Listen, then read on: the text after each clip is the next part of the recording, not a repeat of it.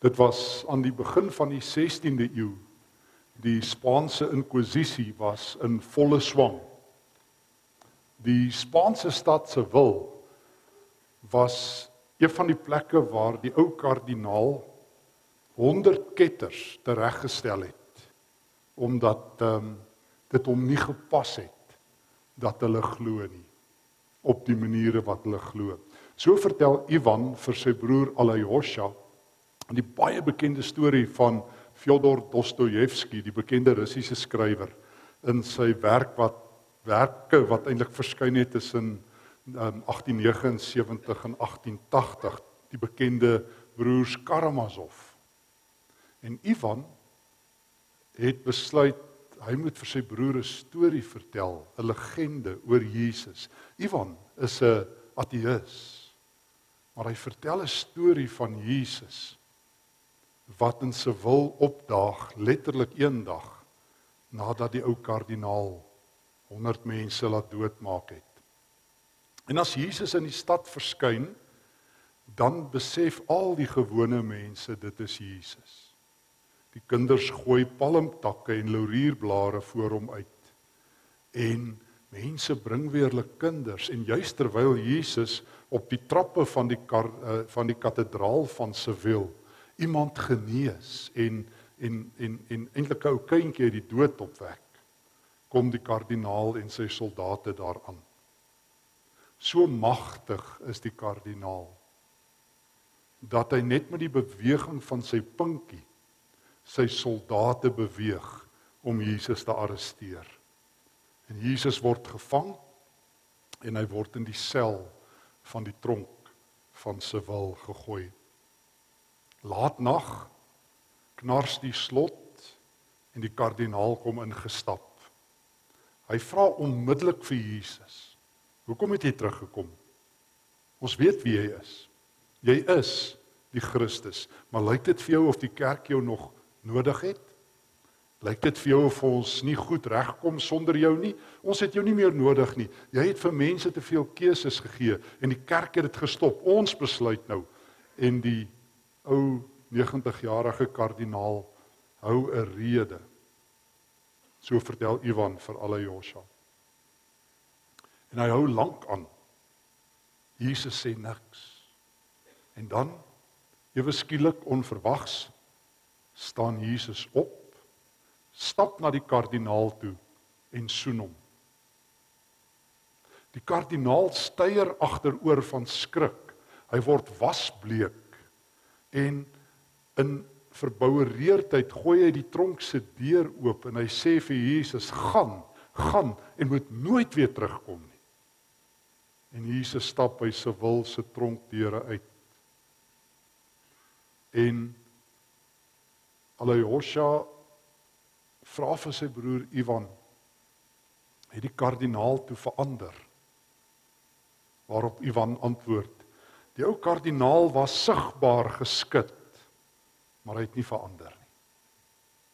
Van soene gepraat.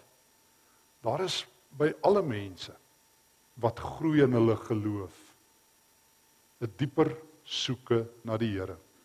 Trouwens wanneer daar by gelowiges hierdie diep gevoel van ampere frustrasie kom van dan moet iets meer wees in die Christelike lewe daar moet 'n dieper wandel saam met die Here wees. Ek moet hoër opklim teen die berg van die Here en dit voel vir my of ek 'n plateau bereik het en of ek teen my teen 'n dak vasgestamp word. Dan is dit dalk juis die teken sê Martin Luther dat jy groei. Dan is dit dalk juis die bewys dat jou geloof besig is om met jou te werk. Ja, dit is waar 100% miljoen persent dat Jesus soos hy gesê het in Johannes 5 en 6 dat hy die brood van die lewe is. Dat hy die water is wat ons kom do, ons dors kom les vir altyd. Maar dit is ook so aan die ander kant. Soos Psalm 42 en Psalm 63 sê dat hoe hoe hoe langer mens met die Here op pad is en hoe ernstiger jy oor die Here raak, hoe dieper word die dors en hoe groter word die honger geen wonder nie, geen wonder nie dat dat Moses in Eksodus 33 vir die Here gesê het: "Mag ek U net sien. Mag ek net vir 'n oomblik U magtige verskyning sien." En geen wonder nie die donderdag aand net voor Jesus gekruisig is dat ehm um, Filippus vir hom gesê het in Johannes 14 vers 8: "Wys ons die Vader." Daardie diep sug, daardie diep soeke na die Here wat net nooit weggaan nie, wat net dieper word, 'n groter rus in die Here en 'n dieper dors te gelyk. Om net die Here te mag belewe. Kan dit net weer gebeur soos in die tuin dat God sy asem oor ons blaas, dat ek net naby genoeg aan hom kan kom dat ek sy asem kan voel? Kan dit net wees dat ek saam met die disippels in Johannes 20 daar in die bofortrek kan wees waar Jesus sy lewegewende asem oor die kerk uitblaas. Kan ek net naby genoeg aan die Here wees? Kan ek net soos wat Shane Kleinbond skrywe, naby genoeg aan Jesus kom dat dat die stof van die rabbi van Nasaret ook op my spat as hy trap? Kan ek net vir 'n oomblik soos die vrou van Markus 5 aan die kleed van Jesus raak net vir 'n oomblik? Kan ek net kan ek net vir 'n oomblik die hemele oop sien. Daar's 'n dieper smag na 'n groter intimiteit met die Here.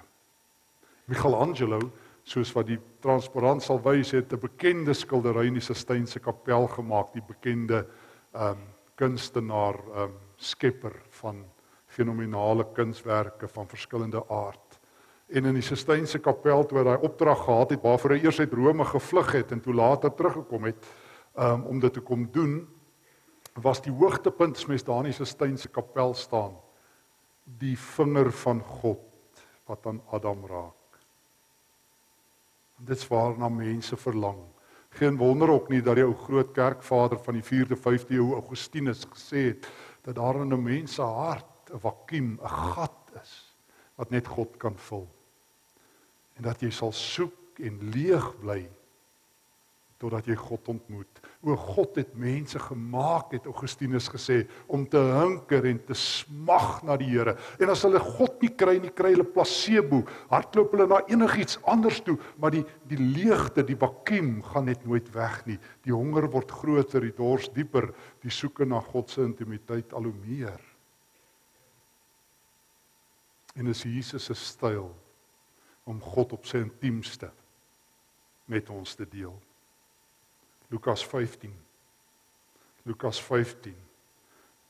Ehm um, die baie bekende verhaal wat ons so hartseer, so tragies verkeerd benoem het.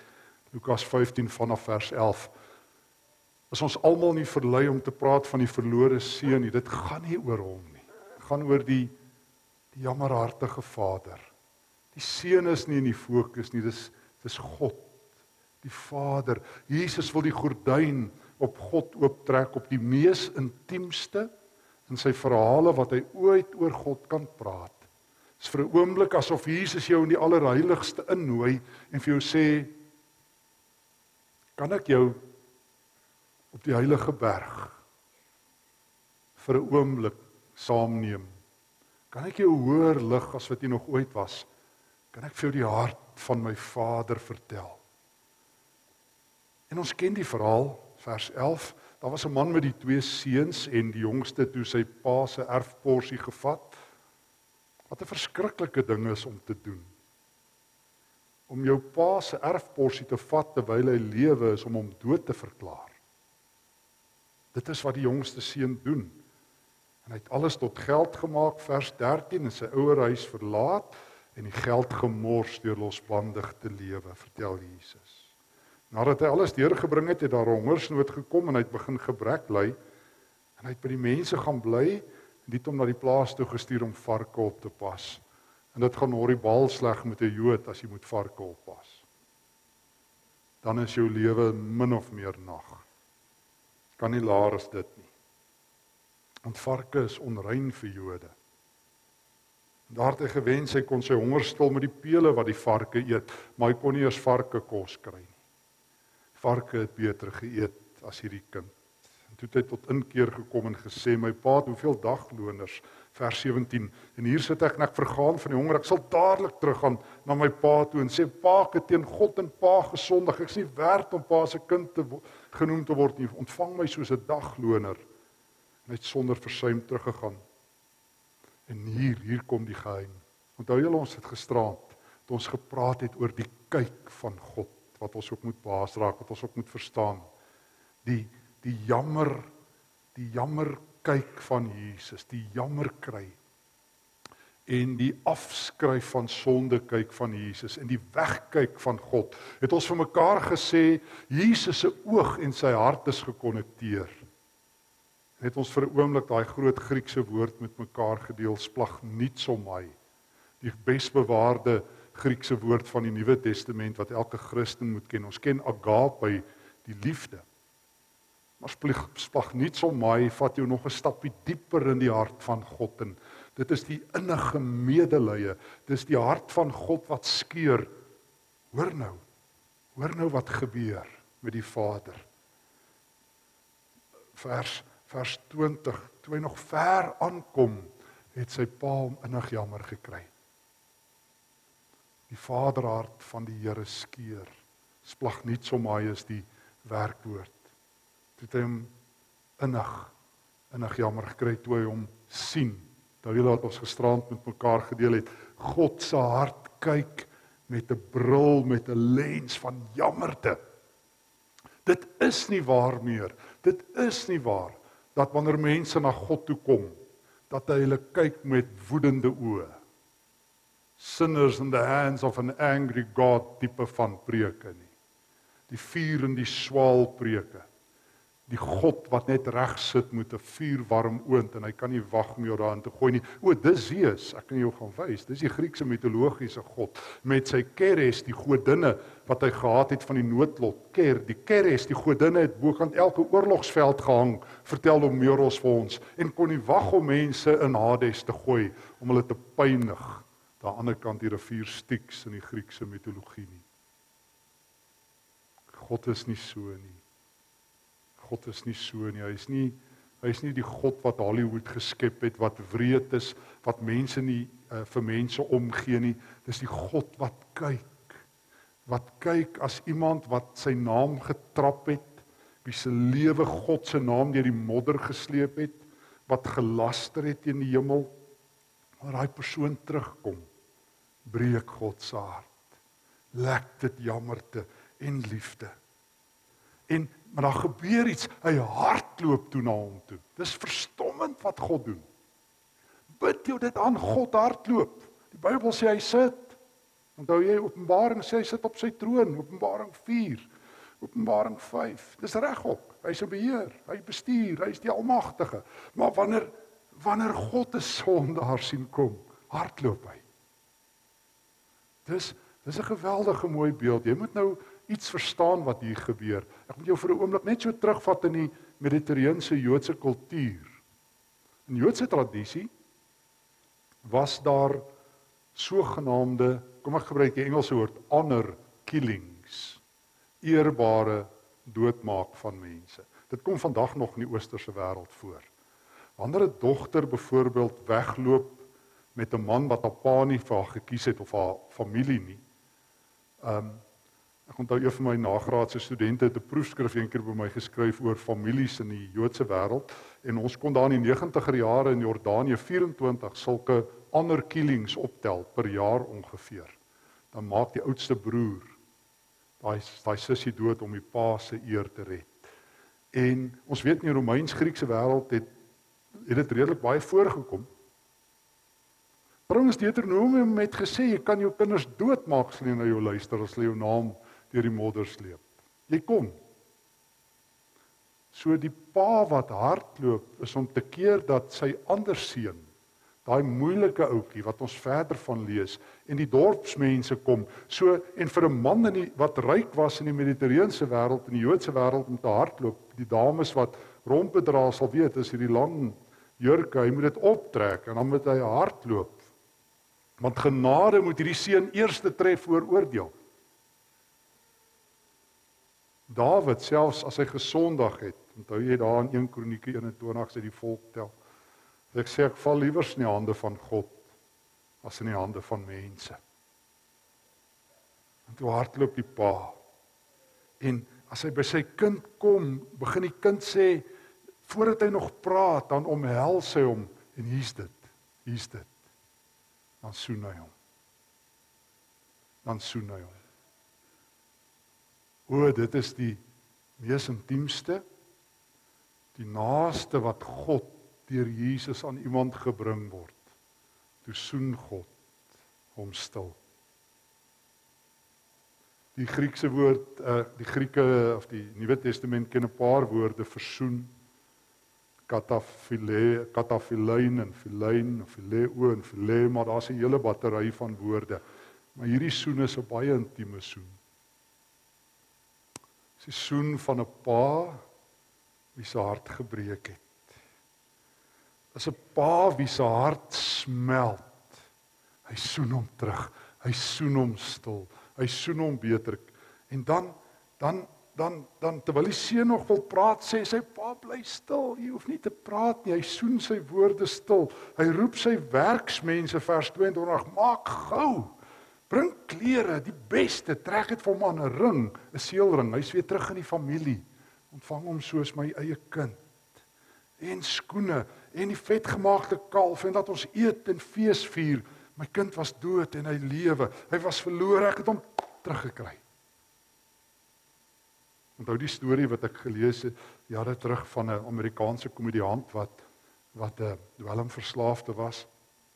Hy vertel hy het um, as 'n jong seun het hy verkeerde vriende gemaak, sy ouer huis gelos, begin dwelms gebruik, alle forme En so het dit vir jare aangegaan. Sy ouers het hom probeer opspoor, het elke brief opgeskeur. En op 'n dag het hy tot sy sinne gekom en sy het wel in beneweldheid toe hy niks geld gehad het nie. En vir 'n oomblik gedink, wat vang hy aan? En hy besluit hy gaan terug na sy ouer huis toe en hy vertel hy onthou reg oorkant hulle huis was 'n parkie. En hy het daar in die parkie gekom en hy het onthou die vorige 8 jaar wat hy sy pa wat laas gesien het.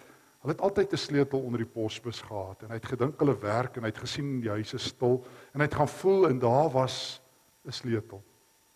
En hy het gevoel daar was 'n brief en hy het dit afgehaal en die brief was geel van ouderdom. En die heel eerste woorde was welcome home son. Your food is in the oven. Your bed uh, is yours in your room. Nee, En hy het hierdie briefie teruggeplak. Hy het nie die moed gehad nie en hy het hom teruggedruk en hy het in die parkie gaan sit ver weg en hy het gesien hoe sy ma van die werk af kom en sy pa en hy het gesien hoe stap sy pa na die posbus toe en voel met hangskouers terug.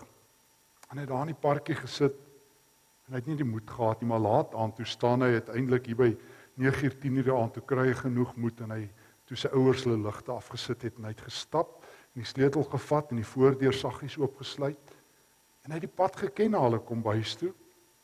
En kan jy glo, daar was vir hom 'n plek gedek. Vir die afgelope 8 jaar het sy ma elke dag bordkos gemaak. Elke dag. Haar kind terug verwag. En hy het die kos uitgehaal en hy het saggies gesit en eet en toe hy klaar was, het hy opgestap na sy kamer toe en sy kamer kom, was sy bed oopgevou soos sy ma dit gedoen het toe hy 'n jong seun was.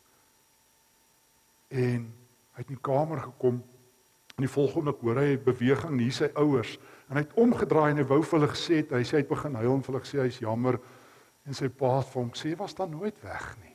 Jy was dan nooit weg nie. Jy's mos nou weer hier. Toe het hy tot bekering gekom. Toe vertel hy niemand het vir my nodig gehad om te vertel hoe God nie ek het dit in my pa gesien. My pa het opgetree soos God die verlore seun hardloop in God vas en God soen hom terug. En dan sê die wêreld, "Waar is julle God?" En dan bal die mense vuis en sê ek kan nie meer in God glo nie en mense in Suid-Afrika teken af op God asof dit die nuwe mode is en as jy God kan vloek en swets en hom sleg sê maar die ware God Jesus moet jou van hom vertel. Hy moet jou aan hom voorstel, sy Vader met die hart wat jou terugsoen. Hoe reageer 'n mens? Dis ons vraag. Hoe reageer 'n mens op hierdie God? Want dit waarmee ons hierdie week besig is, dis God se styl. Maar wat is my styl as God my terugsoen? As hy my met oop arms ontvang, as hy afskryf al my sondes, as hy my soos 'n kind in sy huis ontvang wat nooit weg was nie, wel wel Lukas 7 wat ons gisterand gelees het, moet ons weer nader trek. Die vrou, die straatvrou van Jerigo wat ons gisterand vir 'n oomblik ook by markeer het, pas markeer het. Onthou jy? Onthou jy wat het sy gedoen daar in Lukas 7 vanaf vers 36, kan jy onthou? Toe toe ehm um, sy in die in die in die, in die eetsaal ingehardloop het, die huis van Simon die Fariseer, het sy aan Jesus se voete geval en sy het um, gaan huil en sy het met haar hare sy voete afgedroog en hulle gesoen en hulle gesoen. Soene is baie intiem. Jy soen net die wat jy liefhet, nie waar nie, as mens eerlik is. Daar's baie soorte soene. Dis hoflikheidssoene, daar is seremonieele soene. Maar die soen van intimiteit Dit is vir mense wat jy baie liefhet, jou familie, jou huweliksmaat, jou kinders, jou ouers. Maar wanneer Jesus in die huis is, wanneer Jesus in die vertrek is, wanneer Jesus kom vir ete. O, en Jesus kom altyd vir ete. Onthou jy toe ons gisterand het ons net so vinnig vir mekaar vertel van Openbaring 3, daai gemeente in Laodicea wat Jesus eintlik so naar maak het ons gesê hy het vir hulle gesê kom koop by my oogsalf collurium dit was eergisterand ekskuus en en en dan sê Jesus kyk ek staan by die deur en ek klop. Onthou julle daai teks? Ek staan by die deur Kolossense 3 ag Openbaring 3:20 staan by die deur en ek klop. Ag in hierdie kerk dit nie chaoties verkeerd verstaan nie. Almal dink dit is 'n sending teks Jesus stuur ons uit op sending. By wie se deure staan hy en klop? By kerkmense. By sy gemeente. Vanaand by Oosterlig. Kyk, ek staan by die deur en ek klop. Maar daar's nie 'n handvatsel vir my om hom oop te maak nie. Jy moet oopmaak. Ek klop by my kerk. En weet jy wat bring ek? Ek bring geskenke. Ek bring 'n fees. Ek bring 'n ete. Ons moet fees vier. Jesus vier fees as hy kom. God vier fees as hy kom. Asseblief maak die deur oop. God het 'n feesmaal. Nie 'n regsien sessie, 'n strafbataljon, 'n tugsaak. Kom sommer terug. O, het ek nie groot geword met hierdie kwaai God wat almal onder tug wil sit? Het ek my nie dood geskrik? Ek weet nie of ek dit mag sê nie, dit gaan 'n vreeslike moeilikheid wees, want mense kan blykbaar die Bybel verdraai, maar jy mag nie 'n belydenisskrif verdraai nie. Maar ek het groot geword die belydenisskrifte sê dis een van die merktekens van die kerk om mense onder tug te sit. Die Nuwe Testament draai hulle graf om daaroor om te dink die een van die bewyse vir die kerk is hoe kan ek jou uit die kerk uit kry? Hoe kan ek jou vasvat as jy verkeerd maak? Miskien het die ouens eers iets van God verkeerd verstaan. Miskien was dit maar net die 16de eeuse kerk se reaksie op die katolieke. Ons moet dit ook in daai konteks verstaan. Ehm um, Maar geliefdes, wanneer God kom, kom vier hy fees, maak nie saak wat jy gedoen het nie. Jy het nooit diep genoeg geval dat God jou nie kan vang nie. Ons het nou 'n aand vir mekaar sê, jy kan nie ver genoeg hardloop dat God jou nie kan inhardloop nie. Jy kan nie droog genoeg maak dat God dit nie kan vergewe nie. Jy kan nie genoeg aanjaag dat God dit nie kan afskryf nie. Dis God. Nee nee, dis nie Jesus wat die toutjies trek en alles is bepaal en as jou streepie getrek is nie. Dit glo baie mense oor God. Baie mense projekteer 'n Griekse god op die God van die Bybel. Die God van Jesus se styl is om mense terug te soen. Die styl van Jesus is om te kom eet. O, en dan moet jy hom terugsoen. Soos die vrou. Sy het hom teruggesoen, sy voete. Sy was op haar knieë, dis waar jy hoor. O as Jesus sy hande oopmaak oor jou, dan val jy aan sy voete. Dan is jy nie soos Adam en Eva wat sê ek wil eintlik God se troon hê nie, ek sal nie buig nie. dan kyk jy op na die Here. Dis wat God wil vra. Hy vra verwondering. Dis hoe jy reageer op God, verwondering. Ons het gewoond geraak aan God. Ek praat namens myself, maar dalk julle. Ons het so gewoond geraak aan God dat ons lekker deur 'n erediens kan slaap en niks oorkom nie. Ek onthou ek moes um, die afgelope klompe jare Rudolf het ook daar by ons in Holland gepromoveer as ek daar saam met my vriend en kollega Jan van der Walt gewees wat daar voltyds was. En ek onthou ook mos so kere die afgelope 8 jaar as ek aan Holland bly by Hollandse kerke gaan praat. En op 'n aand was ek by 'n Hollandse kerk wat my gevra het ek moet praat oor hoe wat dink ek moet die Hollanders doen om Wil ek sê nee, ek weet nie, ek weet nie, ek weet nie wat julle moet doen nie. Um een Hollander of een oud vir my sê ek moet hulle kom regryk. Sê ek ek's nie 'n geestelike chiropractor nie, ek ruk niemand reg nie. Maar ek kan vir hulle van God vertel. Sê ek vir hulle maar die probleem is julle het Jesus so mak gemaak so onskuldig gemaak dat jy Jesus saam met jou Kersversierings kan wegpak en saam met Sinterklaas en Swarte Piet daar in Nederland. En dan kan jy Jesus weer oor oor 12 maande uithaal en sê Jesus, Jesus, die klein kind in die krippie. En dan lê Jesus daar, dan moet ons net stil lê, net nie praat nie. Hou Jesus net aan die slaap. Hy net nie wakker word nie. Weet, ons speel van wiegelietjies dat hy slaap. Jesula en Zeus en ek hou van Bach. Ons gaan môre aand iets oor Bach sê. Maar hy moet net slaap. O my, jy kan Jesus wakker vat. Hy's hy is hy's wild. Hy daag jou uit. Ons nou aan gehoor hy om jou om jou kruis te dra, maar hy sê as ek by jou kom, gaan ons eet, soen my voete en lewe. Maar verragtig moet jy dit nie doen soos Judas Iskariot nie. Onthou jy Matteus 26 die gruwelikste sonde wat die vroeë kerk geken het, Matteus 26 is die Judaskus. Want dis jou probleem. Soene kan skyn heilig wees. Soene is baie keer net formeel, formalisties. En ek onthou hoe die kerkvaders die een na die ander gewaarsku het teen die Judaskus. Jy kan gaan kyk Origenes, al daai kerkvaders. Um ek lees in Matteus 26 vers 47 op daardie oomblik dis daar in Getsemane terwyl Jesus nog praat kom Judas een van die 12 daaraan en saam met hom was 'n groot klomp mense met swaarde en stokke. Hulle is deur die priesterhoofde en die familiehoofde gestuur. Die verraaier het vir mense 'n teken afgespreek. Hy het gesê die een wat ek soen dis hy. Die een katafilein wat ek soen met 'n intieme soen. Selfe soen Grieks waarmee God die seun terugsoen. Dis hy. Hy het reguit na Jesus toe gegaan en gesê goeiemôre rabbi en hom gesoen. En toe is Jesus gearresteer. Die vroeë kerk sê moet een ding met die Here weet. As hy aan sy voete buig as hy hom soen dis nie 'n speelietjie nie. Dis nie 'n liewe Jesus figuur nie. Dis nie dis dis nie daai ding wat Filippus dalk gedink het daai donderdag aand toe hy vir Jesus gesê het: "Ag, wys ons net die Vader, dis genoeg." Dis dis nie Jesus is nie een van die ekskuus vir die Engelse woord bucket list items um, dat jy op jou afmerklysie kan sê soos Filippus, jy weet ek het ook toe God gesien. Wat's nou anders dalk moet ons die Taj Mahal gaan kyk nie. Um God is nie op uitstalling nie. God sit nie passief van al loop jy rond en spog, jy het God gesien, jy het 'n ervaring met God gehad nie. Dis die heilige God moet geen fout maak nie. Moet geen fout maak nie.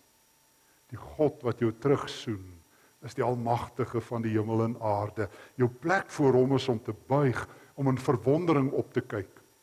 Nie die eerste plek wat jy in die wêreld moet gaan doen nie. Ons is so besig om te dink ook in Pinkstertyd, wat moet ons nou weer gaan doen? Dis belangriker om te weet wie jy moet wees. Iemand wat buig. Iemand wat nederig is. Iemand wat kan sing.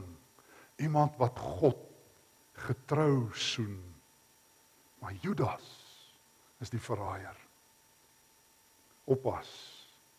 As jy sê ek sal aan die Here se voete sit saam met daai vrou en sy voete soen, dat dit nie 'n verraderlike kus is nie, dat jy nie môre en oormôre ander praatjies praat dat jy nie volgende week uitverkoop op Jesus nie.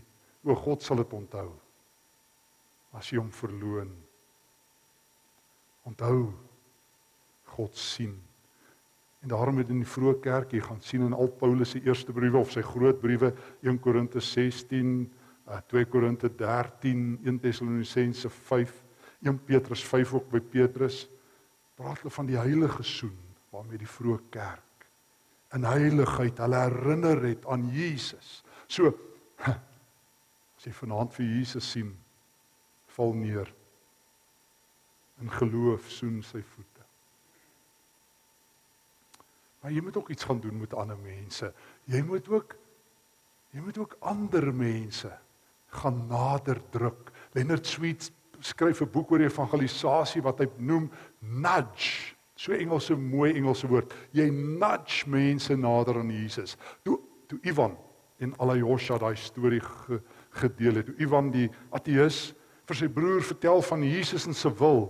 En toe hy klaar is, toe leen Alayosha oor. Raai wat doen hy? Toe soen hy sy broer. En Ivan was baie ontstel. Ek vertel net die storie. Ek het jou nie ingenooi in my lewe nie. Bly uit my lewe uit. En die res van die storie van die broers Karamazov bly Ivan ongelowig en raak sy ongeloof al hoe groter. Maak nie saak wat die reaksie is nie. Jy en ek moet mense gaan nader wink. Moet hulle gaan nader trek. Moet hulle gaan uitnooi om deel te wees van die storie van Jesus. En ek weet nie hoe nie. Daar's nie 'n resep nie. En ek is die laaste ou wat vir jou resep kan gee. Ek het nie 'n swart beld in evangelisasie nie. Ek weet nie hoe doen mense dit nie. Ek onthou my universiteitsdae toe was as ek uitreik en ons moes die ouens redelik aggressief gaan gaan bekeer. En dan kom ons in die aande terug, dan moet ons nou verslag doen. Dan vertel een nou hoeveel bekeerlinge, dan kyk hulle na my en dan vra hulle Joubert en jy en dan sê ek niks. En die volgende jaar het hulle my nie weer gevra nie. Maar ek weet een ding, as die Here aan mense raak, verander hulle lewens. Ek onthou op 'n aand moet ek by die kerkie langsaan by Moreletta preek. En ek was die dag in Suidoos-Transvaal in Ermelo die oggend waar ek moes preek en soos ek terugry en my preek deurgaan in my kop, het ek hierdie diep ongerief en ongemak. Nou ek weet dit klink ons nou altyd vroom as 'n prediker dit sê, dan weet jy ons oek iemand van eendag sê nou werk die Heilige Gees op deur jou as jy nou jou teks verander. Ek sê nie hy werk as ek voorberei. Dis juist daai ouens wat dit verander. Ek is versigtig so maar toe die aand gebeur het met my dat dat ek net voel daar's 'n dringendheid in my hart om om om om om tipe van mense uit te daag om te glo. Nou beklei ek met die Here. Ek sê Here, ek's nie evangelis nie. Ek meen Dirkie van der Spyse daar, Benny Mostert sit daai tyd daar, Johan Smit. Ek wil hulle hulle knoop net hulle dasse dan kom ouens tot bekering. Maar nou moet ek daar gaan preek. Ek sê Here, ek kan nie. Maar ek onthou toe ek daai aand preek en ek sê hier's en ek kom so half benard. Ek is soos 'n volksterrier wat 'n kar jag en as ek die kar gevang het, weet ek nie wat ek met die kar moet maak nie ek ek, ek sê hier's iemand wat vanaand die Here nodig het en hulle moet nou na die diens na vore kom. En hier kom 14 mense en ek sê vir die Here en nou Here sê moenie los dit vir my. En ek gaan staan en ek weet ek gaan staan by hierdie een dame en ek weet dit is sy. En sy sy huil hartgrondelik. Sy sê vir my ek het nie geweet hierdie plek se kerk nie. Ek sê nee, dit lyk nie eintlik so nie, maar sy het daar verbygery. Sy sê dit was so 'n magneet wat my ingetrek het. En ek is verslaaf aan dwelms en my hele lewe val in duisende stukke. Sal die Here vir my genade hê. En ek sien hoe gryp sy aan Jesus se kleed vas. En terwyl terwyl sy so staan en huil, sien ek so skade weer. Ek sien so vinnige beweging. Toe sy opkyk, besef ek dis Pine Pinaar en as Pine nie breek nie, is ons in die ewigheid in ons al drie want hy kom vinnig. Hy was 'n vegvlieën hier in die lug mag. So Pine kan vinnig kom.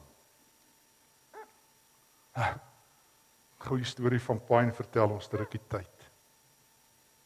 Pine kom by my en hy sê vir my ehm um, so in 2006 se kant, 2008. Hy sê vir my Stefan, jy moet my help, wat 'n baie snaakse ding met my gebeur. Maar ek ken hom nie. Hy sê jy moet nou vir my verduidelik. Ek sê wat het gebeur Pine? Hy sê nee, hy sit daar hier by sy huis. En hy hoor 'n stem. Maar hy sê ek het nou pas tot bekering gekom, vertel hy my. Nou sy familie vertel vir my na die tyd. Nie eens die Here kom vir Pine red nie, het hulle geglo.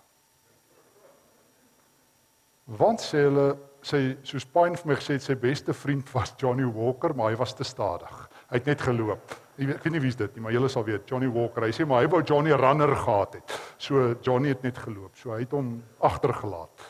Um En toe red die Here hom. En Pine sit nou pas 'n Christen so rof soos 'n diamant en die Here, hy sê hy hoor 'n stem wat vir hom sê was Maria se voete. En Pine skrik vir hom flou. Hy dink dis die duiwel wat met hom praat, maar die enigste Maria wat hy ken is Maria Matseke wat in sy huis werk. En hy sê hoe sal 'n vegvleene hier nou op sy knieë gaan en 'n vrou van Mamelodi se voete was. En die stem kom 'n tweede keer. Nou begin hy bekommerd, maar hy ken nog nie die Bybel nie. Hy sê toe dit die derde keer gebeur, toe weet hy dis die Here. En hy sê vir Maria kom sit. Nou sit sy en nou vra sy, "Wat moet sy doen? Trek net jou sokkies." Daar begin hy haar voete was. Daar gaan hy op sy knieë en hy was haar voete. Ek sê, "Ja, toe." Hy sê net, "Staan hy op toe gaan was hy sy hande." Ek sê, "Wat doen jy toe?" Hy sê net, "Toe klim hy in sy kar en ry." Ek sê, "Waartoe, paai?" Hy sê, "Nee, ek ry net." Hy sê, "Maar dis nie hoekom ek met jou praat nie." Hy sê, Jy moet my nou help. Maria kom toe 2 dae later by hom. En sy sê, "Pyn, my kerk in Mamelodi wag vir jou." Hy sê, "Wat?" Sê die kerk in Mamelodi was vir jou. Hy sê, "Hoekom?" Sy sê, "Man sien mos nie raak nie, maar ek het my letter of resignation in my sak gehad. Die pyn in my knie en my bene kon nie meer loop nie." Ehm um, en terloops het Maria van na die tyd vertel, die Here het op haar hart gesit, sy moet bid vir iemand uh waar sy kan gaan werk by die Here nodig het in hulle lewe. En toe het sy nou by Pine werk gekry. Nou het Pine die Here gevind. Maar sy sê Pine, kyk ek kan loop en sy dans. En sy sê my kerk wag vir jou. Nou vra Pine wat moet hy doen? Ek sê jy moet gaan natuurlik. Hoe nou anderster? Maar die storie gryp my so, dit nogal 'n naderdraai. Ek het 'n rubriek wat ek in die beeld het al die jare, skryf ek die storie. En die oud minister Adrian Vlok lees dit en hy gaan toe en gaan was Frank Chikane se storie en die BBC in Amerika en almal het die stories later aan opgetel. Dit was 'n wonderwerk. Maar daai aand hier kom Pine afgehardloop met hierdie meisietjie. En ek en ek in die volgende ek gryp Pine hierdie meisietjie daar by die kerk en hy tel haar op. En hy lig haar van die grond af. Ek sal dit nooit vergeet nie. En hy begin met haar in die rond te draai. En hy sê vir haar: "Welkom in die koninkryk. Welkom in die koninkryk. Jy was verlore, maar jy's gevind." En ek het daai prentjie tot vandag so lyk dit. As iemand wat verlore is gevind word. Ehm um, As die Here een een persoon kan red. Net een. Jy het dit al gesien? Nou die dag so 6 7 weke gelede ehm um, Maritjie weet my vrou weet dit was my swaar ek moes vir 'n week en ons was toe baie ek was op baie vlugte die wêreld rond het was daar net hierdie versoek ek moet by Australiese kerk kom preek en daai sonoggend ek het die eerste diens in Afrikaans gehou en die tweede diens was in Engels en die maandag vertel die dominee my die ou vir wie hulle vir 3 jaar bid die Australiese ouetjie het die Here gevind hy sê ons het vir hom die kerk sit en dophou soos die preek loop het hy al rooier en rooier geword en die volgende keer het hy begin huil en sy pa het begin huil en die Here het sy siel gered en ek weet Die Here sal jou partykeer om die aarde stuur. vir een mens sodat hulle God se soen kan voel. O, dit is daai soos die Engelse sê the quickening of the spirit as God iemand red. Ek is so hartseer dat so min Christene nog sien dat verlore mense gered word, dat sondaars uit die gutters opgetel word. Hoe sê Rudolf Botha, altyd dis iemand wat jy ken, as as Jesus mense begin soek, begin hy op die ashope. O, maar as hy hulle inhaal, dan pak hy 'n fees uit. Fees wat nooit ophou nie. Ivan en Alyosha het gepraat oor Jesus wat soen. Die kardinaal het nie verander nie. Ivan wat die storie vertel het, het nie verander nie, maar die soen het nog nie opgehou nie. En of mense glo of hulle nie glo nie, ek ken iemand wat mense liefhet. Sy naam is God. O, hy soen hulle terug en ek ken iemand wat 'n feesmaal het saam met hulle. Sy naam is Jesus. En hy sê Stefan, kan ek jou vertrou? en julle elkeen. Kan ek julle vertrou om iemand net 'n bietjie te druk, net 'n nudge, net vertel van my, net vir hulle 'n beker koue water te gee, net hulle na my arms toe te druk om te sien wat gebeur as die hemele oopgaan. Want oor elke skaap wat gevind word, elke muntstuk wat verlore was, einste in Lukas 15 wat terugkom, hou die engele fees. Mag die Here gee dat die soen van God nie sal ophou nie. Soek dieper na God. Maar val aan sy voete neer. Amen. As oomblikke verstil gebed.